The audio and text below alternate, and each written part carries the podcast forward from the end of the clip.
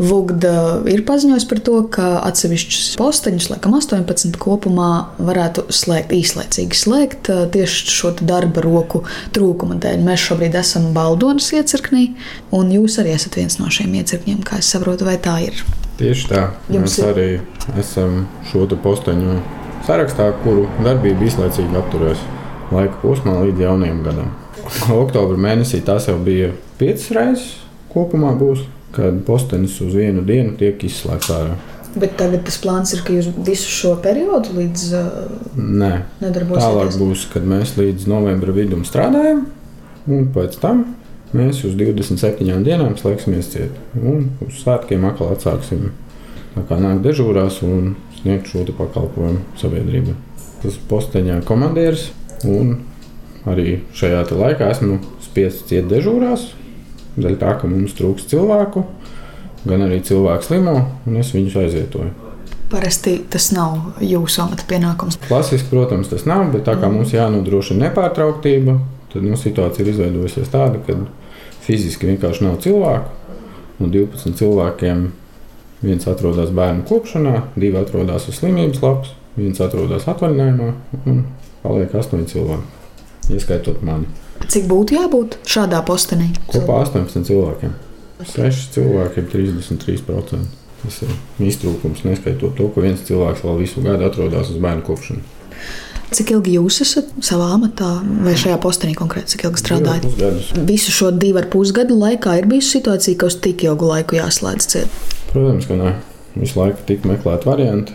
Cilvēkiem tika pārcelt atvaļinājumi, tika piesaistīti cilvēki no Rīgas. Un tādā veidā mēs šeit izdzīvojām. Bet, nu, pēdējā pusotra gada laikā neviens jauns cilvēks pie mums nav atnācis. Kāpēc tā ir? Šeit? Šeit jau ir zemais atalgojums, varbūt arī sadzīves apstākļi. Šeit arī, kad laikmets mainās, jauniešiem vairāk interesē kaut kādas digitālas lietas, nevis fizisks darbs. Līdz ar to arī nu, ar šādu atalgojumu mēs nevaram piesaistīt jau cilvēku ar pieredzi, piemēram, kurš ir 25 30 gadu vecs. Viņam jau ir pakārtota sava dzīve, un iet uz algas samazinājumu. Nu, reti kurš ir spējīgs. Vai nu cilvēks, kam ir kaut kāda privāta biznesa vai kaut kāda ieņēmuma savādāk, un kurš grib šo darbu darīt nu, kā tādu misiju mērķi. Pārsvarā jaunieši nu, mūsdienās, man liekas, izvēlās kaut ko nu, tādu modernāku. Un, digitalizētāk. Skaidrs, ka tad būtisks posms ir izglītība arī, un lai būtu vispār šie speciālisti, kas nāk, Vai tur pietiek vispār to cilvēku, kas mācās, un vai tā sistēma ir uh, laba, lai apmācītu jaunus profesionāļus? Nu, sistēmā jau nav nekāda vaina. Tiek pieņemts darbinieks darbā, mhm. viņš sāk darbu konkrētajā savā struktūra vienībā. Pēc kāda laika, mēneša, diviem, trim, viņš tiek aizsūtīts uz Rīgu, uz Ugunsdrošības cilvēks aizsardzības koledžu, kur viņš iegūst ugunsdzēsēju glābēju kvalifikāciju. Tas ir 960 stundu apmācība. Sanāk tā, ka divus mēnešus viņi iet uz vietas ķēngara vielā, koledžā mācās, un pēc tam četri mēneši viņiem ir praksa. Ar šīs prakses viņi kārto kvalifikācijas eksāmenu, un tikai tad viņi kļūst par ugunsdzēsējiem glābējiem. Līdz tam laika posmam viņi ir ugunsdzēsēji glābēji palīgi. Tas nozīmē to, ka viņi notikumos bīstamajā zonā strādāt nemaz nevar.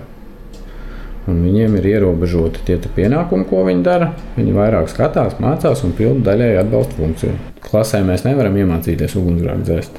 Mums ir vajadzīga tomēr pieredze, gan darba pieredze, gan dzīves pieredze. Katrs ugunsgrēks ir savādāks. Un tās īpatnības, kādas ēkās ir, tās jau arī nu, no ārpuses nevienmēr ir redzamas. Kas tur iekšā ir, kāds ir plānojums, no kā viņi ir celti. Iestājoties dienestā, saņem ugunsdzēsēju glābēju palīdzīgu atalgojumu. Tas ir cik liels? Ir 780 eiro pirms nodokļu nomaksas. Tas ir laika posms, līdz viņš iegūst ugunsdzēsēju glābējā kvalifikāciju. Nu, tas aptuveni būs no 9 mēnešiem līdz gadam. Kāda vispār vidēja alga ugunsdzēsēji? No 800 līdz 850 eiro sanāk pēc tam. Ne, uz rokas. Uz rokas. Uz rokas pēc tam, kad viņš ir visu pabeidzis attiecībā no izdienas un vietas, kurā viņš dienā. Protams, tas nav pietiekošs atalgojums, lai varētu nodrošināt ģimeni, bērnus. Tas ir tāds atalgojums, ar ko mēs varam izdzīvot. Un, protams, kā algas palielinot, mēs uzreiz varētu piesaistīt jau cilvēkus ar kaut kādu darba pieredzi. Vai viņš ir celtnieks, vai mehāniķis, vai tur labo automašīnas. Jebkura cilvēkam pieredze, lai strādātu pie ugunsdzēsēji, atvieglos viņa tālāko dienestā izaugsmu. Jo tev ir saprāšana par lietām, kā kaut kas tiek būvēts, kā konkrētā situācijā, vai, piemēram, atvērt durvis, vai nu, vienkārši cilvēciski dzīves pieredze, ko tu esi iegūmis strādājot ar rokām. Un līdz ar to, ja, ja tā alga būtu lielāka, tad cilvēki varbūt arī nu, pavilktos vairāk, izdomāt, ka varētu kopā apvienot varbūt, tos darbus. Un tas jau arī dod diezgan lielu atspēku. Bet uh, tas lēmums, teiksim, posteņus konkrētus slēgt, vai jūs piekrītat tam vadības lēmumam, ka tas ir loģiski šo posteņu šobrīd vērt ciet? Viņš jau netiek vērts tā kā pavisam ciet. Nu jā, Vienkārši sanāk tas, ka jebkuram darbiniekam ir jānostrādā normālais darba laiks, kas, piemēram, novembrī ir 168 stundas. Ja mēs saviem deviņiem darbiniekiem, piemēram, es organizēju darbu, viņiem sanāk, ka viņi nostrādā katrs trijās maiņās pa septiņām dienām. Tās ir 21 dienas, kad viņi jau sasniedz šo noteikto normālo darba laiku. Un pārējās dienas vienkārši nu, viņi jau fiziski nevar nākt uz darbu, jo viņiem nu, netiks apmaksāts virsmas. Tam vairs budžeta līdzekļu nav. Vienkārši tagad sanāk, ka Baldonas postenī tieši ugunsdzēsēji strādās tā kā nedaudz biežāk, īsākā laika posmā, un pēc tam viņiem tiks piešķirts brīvais laiks. Savādāk mēs arī nevaram visu laiku tikai no Rīgas vadāt cilvēkus. Nu, tomēr katrā vietā, kur cilvēks strādā, viņam ir sava īpatnība. Viņam ir jāpārzina ūdens ņemšanas vietas, gan paaugstināts bīstamības objekti. Tomēr katru reizi atvedot citus cilvēkus, viņiem ir jāpierod pie tās vietas. Mums tomēr arī atšķirās mašīnas, kā aprīkojums ir noklāpts, kā ar mašīnas sūkni strādā. Nu, dažādas ir tās īpatnības. Vēl varbūt arī kādu vārdu, lai saprastu to noslodzi jūsu, cik liela viņa vispār ir Baldonē.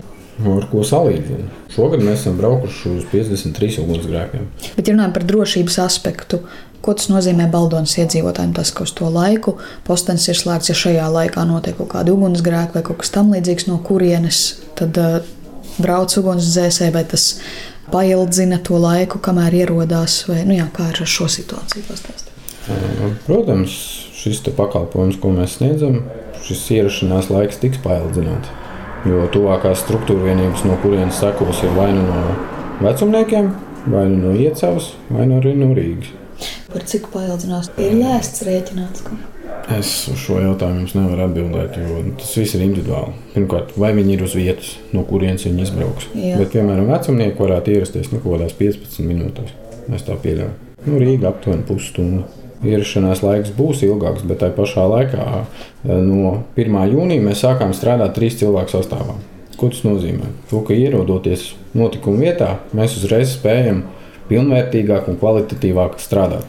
Jo divu cilvēku sastāvā nu, tas nav iespējams. Līdz ar to, tad, kad ugunsdzēsēji ieradīsies, viņi ieradīsies un spēs kvalitatīvāk veikt savu darbu.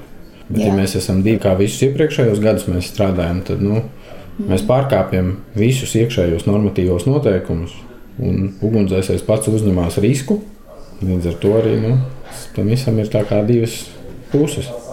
Tādā veidā nu, varbūt paildzinās ierašanās laiks, bet uzlabojās tas, ko mēs varam izdarīt. Un, kad nebūs tā, ka ierodās ugunsdzēsēji, pirmkārt, Viņi fiziski neko nevar izdarīt divu cilvēku sastāvā, un cilvēkiem liekas, ka mēs esam atbraukuši un neko nedarām.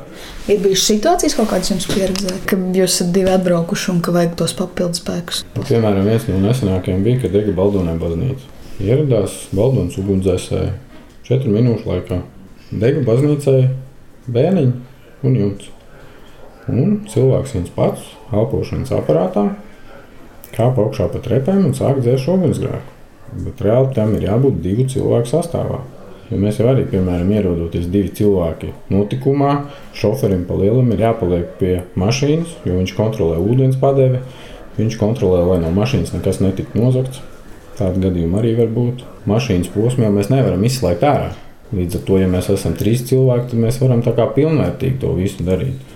Bet kā ar, ar jums? Nu, jūs esat ugunsdzēsēji, jūs strādājat šajā jomā, jūs mēģināt izdzīvot ar to, kas ir, vai arī jums ir jāapvieno ar kaut kādiem citiem darbiem, vai varat apvienot? Es, protams, savienot ar citiem darbiem nevaru, jo mans normālais darba laiks ir katru dienu no 8 līdz 4.30. Savukārt tie cilvēki, kas iet dežūrās, viņi visi lielākoties strādā otros darbos, kas arī palielina nogurumu, varbūt dažreiz arī traumatismu risku.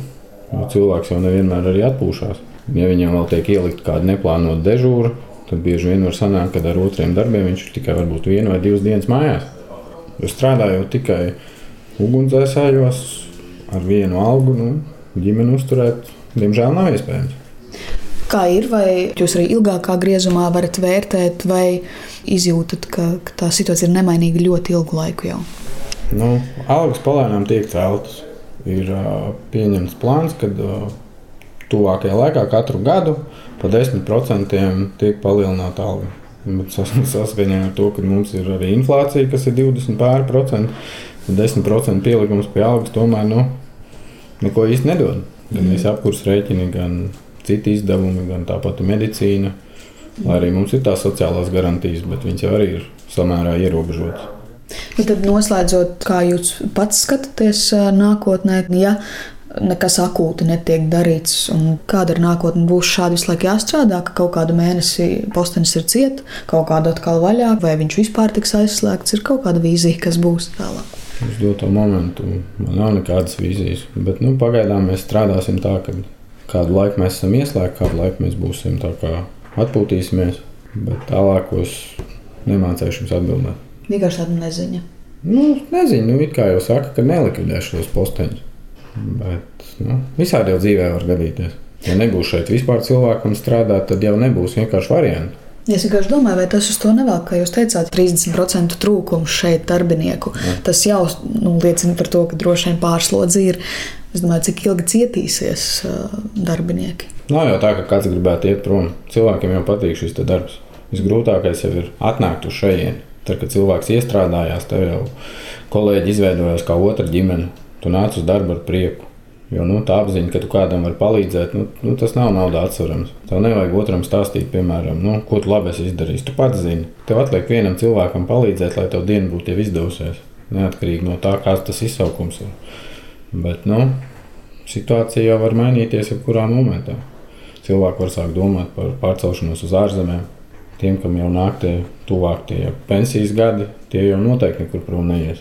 Bet nu, jaunie, kā kurš? ja kādam radīsies kāda laba iespēja, es domāju, ka nu, diez vai viņi mēs spēsim šeit noturēt. Protams, ka ir tāda cerība, ka jaunā valdība izdarīs to, ko viņi bija solījuši. Tad 2,5% no IKP. Bet, nu, tad jau mēs redzēsim. Tad varbūt tā sistēma sāktu lēnām arī mainīties. Un varētu arī nu, sabiedrībai atrādīt, ka tomēr strādāt par ugunsdzēsēju ir arī prestižs.